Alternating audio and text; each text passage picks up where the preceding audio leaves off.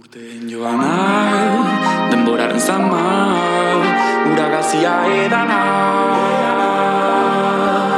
Guztion alana, hobetu zoraina, garen eta ez izana. Eman, hartu, eskua, egin, utzi, lekua, ikus, senti, gure naia. Wow, apur, suntxi, arkua,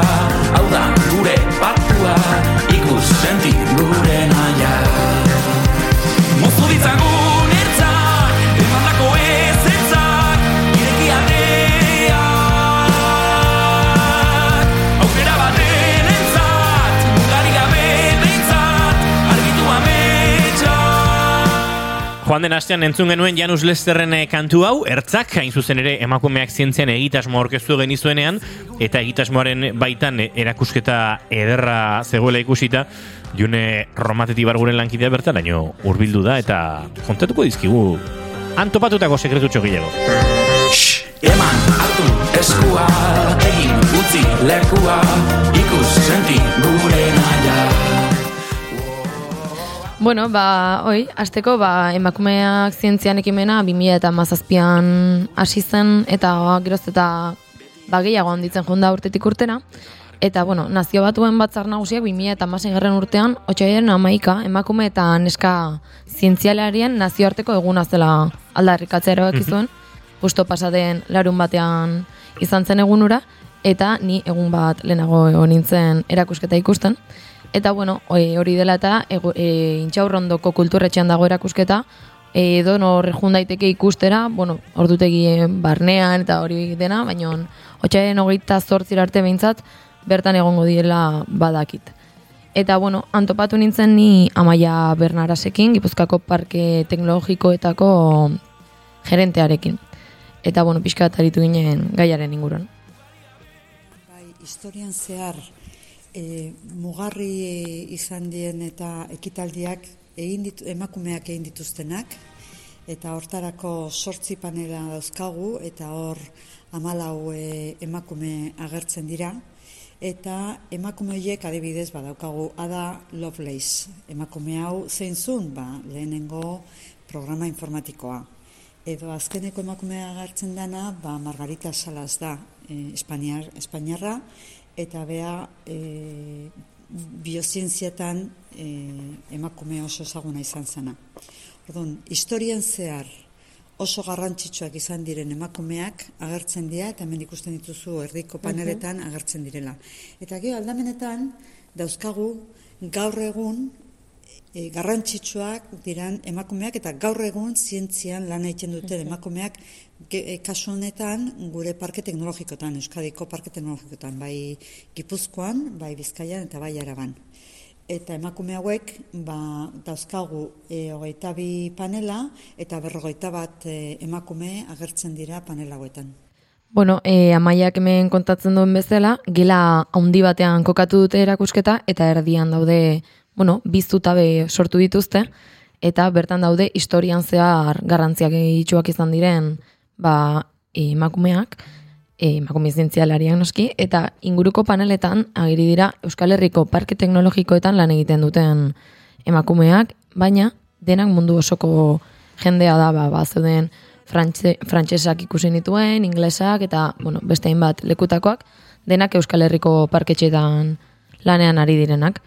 E, hemengo unibertsitate, enpresa zein laborategietan egiten dute lanak, baina ez dira ezagunak. Eta horregatik zehazki, ba, beharrezkoa da horrelako erakusketa bat antolatzen jarraitzea.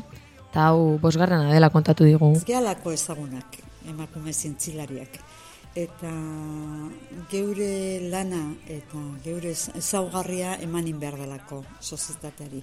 E, eta, bueno, hemen e, saiatzen nahi gana eta orain ja bada bosgarren urtea. Hau emakumeak zientzian e, eta emakumeak e, ba, zientziaen femenino edo esaten da bezala erderaz, ba, ezagutzea eman nahi duguna da. Aipatu du zerbait eman nahi diotela gizarteari, baina emakume hauek egunero egiten dutelana zerbait hori eman alizateko. Hala ere ez dira ezagunak izaten normalean eta paper garrantzitsua gizonek hartzen dute zientzian. Gizarteak kristalezko zapaia duela esan da eta hori alor guztietara zabaltzen denaren adibide garrantzitsua da bazientziaren munduan gertatzen dena. E, erakusketaren erdigunean historian zehar lorpen garrantzitsuak egindako emakumeak daudela esan dizuet eta gutxi dira gizartean entzat ezagunak. Ba, zientzia munduan askotan ba, gizonezkoak izan direlako gehiago ezagutuna, ezagutuagoak izan direnak. Adibidez, ba, oso ezaguna dan magikugi, ba, bere kasun, ba, bere zenarra zan, ezaguna. Eta beti egon gera gizonen atzkaldean, naiz eta gu izan garrantzitsuak ginenak. Eta kasu hontan, ba, ezagutu arazen nahi ditugu, ba, emakumeak egiten ditugun lanak eta zientzian eh, lan egiten dugun lan guztia erakutsi. Adibidez, hemen daukagu ba, emakumeak zezen izango, izango nizuke, ba, adibidez, Jedi Lamar. Ba, Jedi Lamar bere garaian izan zen aktoreza bat, baino bigarren munduko gerran espiotza en sarean egon zan sartuta eta izan zen wifi gaur egun wifi edo wifi ezagutzen duguna sortzailea eta ez da ezagutzen. Ikusezin izatearen zergatia garbia da. Gaur egun ere hala izaten jarraitzen duelako, ez? Gizarte matxista batean bizitzeak dakarrena. Emakumea etxearekin lotura zuen pertsona zen, aurrak zainduko zituen hori eta asko pentsatuko ez zuena.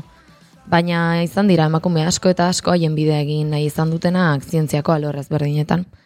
Hala ere Bernara sekzioen gizonezkoek ez zietela txokorik egin nahi eta lan handia egin behar izan zutela horretarako.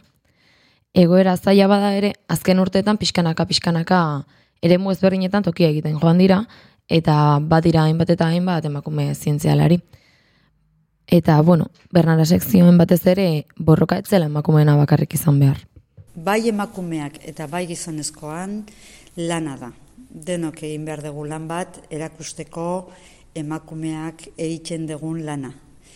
Poliki dijo, badijo, emakumeak gea lana gehiena egin behar duguna, zeren geure e, lana da, baino denen laguntza behar dugu. Eta ea velozidade pixka bat hartzen dugun asunto honetan. Eta, bueno, e, gainera gehituzun, zientzialari, osea, zientzia mundu honetan, gazte gehiagoari direla sartzen, geroz eta gehiago, baina, dela puntu batean, e, emakumeek ez dutela lortzen, pausu gehiago egitea eta postuetan pixkanaka pixkanaka igotze hori ez dutela lortzen. E, zientzia munduan nabari da, zeren e, badaude momentu batzuk e, gazteak e, gehiago sartzen dira, geho badago momentu bat bizitzan erakutsita daude, da, erakusten dute da, daukatun, dauzkagun datuak, momentu batean gelditu itzen dela, eta hortik gora jutea, ba, bueno, behar bada batzutan ba, sakrifizioa handiak indako emakumeak indute, baino ez dauka zergatik izan beharrik geure buruak ez defendatzea arlo guztitan, familia euki, meak euki, gure profesiona, profesionalitasuna aurreratu eta zientzian eta gora kajun. Orduan, guk geure burua ere ausartak izan beharria eta ausarta izateko geure burua ikusi behar dugu hortan ere.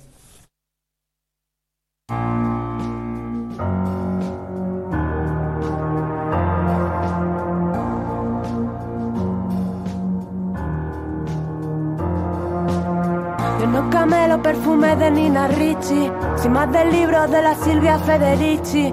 Será mejor que traten mejor esas bichis, no sea que de repente me escuchen y se compinchen.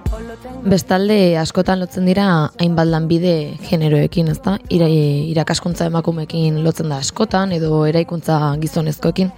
Zientzia munduan ere badira horrelako aurre iritziak. Adibidez, medikuntza arloan sartuko bagina, medikuak gizonezkotzat hartzen dira eta emakumeak erizain. Horrelako jarrerak txikitatik bere izan dituztela kontatu du amaiak, eta Inspira Steam programa egiten dute aurrekin, ba, aurrei zientzia eramateko eta emakumeak zientzian ai, azaltzeko, eta bueno, arlo ezberdinien ganako interesa adirazten dute txikitatik aurrek. Txikitatik eta nik orain ere Inspira Steam eh, programan sartuta nago eta bueno, amaika urteko neskamotiekin lanean gaude pixka bat zientzia mm, beraiei eh, gerturatzen eta nes, gehien bat neskei, e, baina utilei ere bai, eh? baina bueno, gehien bat neskei eta hor ikusten dena da mm, medikuntza, ez bakarrik enfer, enfermeritza, medikuntza, biologia, Olako arloak atentzio gehiago botatzen diela neskei. Ingenieritza zailago egiten zaie, informatika zailago egiten zaie, eta badago gauz bat ikusi duguna dan, bueno, ba, nire adinean gu ba, informatika ingendunok desente gaude emakumeak. Eta geroztik gehoz eta gutxigo, ingenieritza gehoz eta gutxigo. Ba, egon zan momentu bat gehiago ginenak, eta orain gehoz eta gutxigo dia. Eta ez daki zergatik dan hori, baina bai biologia mundua, medikuntza mundua, hor gehiago, atentzio gehiago botatzen di. Bai. Con la moral muy por encima de sus cuentos, como la de otras tantas putas que mueren callando. Yo ando cayendo ya. Bueno, e, amaiak etzun arrazoi konkretu bat edo topatzen, baina nik bai dakatela iritzi bat honen inguruan eta pixkat jarraitu baino lehen bai botan nahiko nukela. Berak aipatzen zuen medikuntza erizaintza arloa honek gillo deitzen diela em, neskei, mutilei baino eta mutilei informatika edo bueno, e, generitza mundu horrek. Nik ez dakit zenbateraino edo bai egin nuela lotura ba, medikuntza eta mundu honek guztiak zaintzarekin lotura duela eta zaintza beti ba, lotu zaigula emakumezkoari eta agian ba, izan dezakela lotura bat hortik eta ez dakit Mhm. hala den, baina Zentzu guztia duka bintzat. Bai. eta bueno, hori, hori nire iritzia. Eta bueno, bai esaten zuela ere horrelako goraberen aurrean, e, zientzia munduan bai emakume eta neskei tokia erakusteko asmotan sortu dituztela ba aipatutako inspira steam bezalakoak edota intxaurrondon dagoen erakusketa bera. Eta hori, derrigorrezko bigarren hezkuntzatik hasi baino hasi beharrean e, klasetara emakume zientziala eragileak eramaten, beharrezkoa ikusten dute beti lanketa gazteagoetan hastea, berandu izaten omen da DBH batxilergo horretan e, bazientzia eta emakumeak lotzearen Mhm. lotzea baino. Ah, Ekimen desberdinak egiten ditugu, alde batetik, bueno, ba, ikusten duzu hemengo e, ba, esposizio hau edo lortu dugu, geho egiten dugu ere e, erakutsi e, gure asmoa gehiena da, ja lanean daudenei e, aukera eman generazio gaztegoi erakusteko zeitzen duten. Eta hortarako, bueno, ba, ekitaldiak egiten ditugu, nun ea, ekartzen ditugu parke teknologikotan lan egiten duten emakumeak, eta jende gaztei, bai neskei eta bai mutilei, baina mm, denei e, erakusten diegu, zein dien emakumeak la, hor lan egiten dutenak, eh, zientzia arloan lan egiten dugunak. Eta gero ere asko finkatu gea e, bokazio zientifikotan, eh? e, zientzia bokaziotan, hau da, oso beharrezkoa da jende gaztea, mutilak eta neskak, bokazio zientifiko hori haunditzeko gaia e, izatea. Eta hortarako, bueno, ba, ekitaldiak egiten ditugu, mentoreak eta prestatzen ditugu, eta, bueno, ba, Inspira Steam programa bezalakotan parte hartzen dugu, eta mentorak ere e, ekartzen, erakartzen ditugu olako programetara. Urteen joana, denboraren zama, uragazia edana. Guztion alana, hobetu zoraina. Eta bueno, aipatu bezala, programa horren bidez ikastetxe eta neska gazteen gana batez ere iristen saiatzen dira, bai aipatu zidala eta, bueno, horrelako kuadernitoak sortzen dituztela, ba, bai, bueno, marrazki, ezagit, infantilak esateko modu bat edo da, baina marrazkien bidez eta testu ezberdinen bidez, ba, azaltzen dituzte nola emakumeek zientzia pun- munduan eukiditzaketen behaien txokoak, eta ba, berez, benetan oso interesgarriak dira, ni egon ez begirada bat ematen, eta arlo ezberdin asko ikutzen dituzte. Eta, bueno, ba hori, amaitzeko pixka bat azalduko izuet, bideotan ikusi ez dute, eta lehen aipatu dut, baina bertara joten balin bazazte ikusiko ez dute, nola, iruparetaetan zehar dauden panel e, ba, erraldoi batzuk, eta bakoitzan daude bi emakumeren informazioa, e, eta agerti dira ba, nungoak diren, eta nungoak direnaren azpian, ze arlotan ari diren lanean, zer lortu duten, zer ez, ba, zedoen, ba, adibidez bat, e, bularreko minbiziaren inguruan lanean ari zena, edo, bueno, eske, zeuden arlo ezge- ezberdin guztietako emakumeak lortu dituzte, eta gero, ba, hori, erdian aipatu bezala, historian zehar garrantzia eduki dutenak, eta nik adiez aipatzen du, aipatu du leno amaiak, baina Ada Lovelace ezagutzen nuen aktore moduan, nik enekiena zen e, wifiaren ba, sorrera hortan bera egon zela. Beraz, bueno, nire aldetik gomendioa bertara gerturatzea, bideo bat ere jarrita dute une oro ba, gaur egun parke zientifikoetan ari, lantzen ari diren proiektuen inguruan, eta ba, benetan interesgarria da, eta ba, nire partetik animatzeko bertara.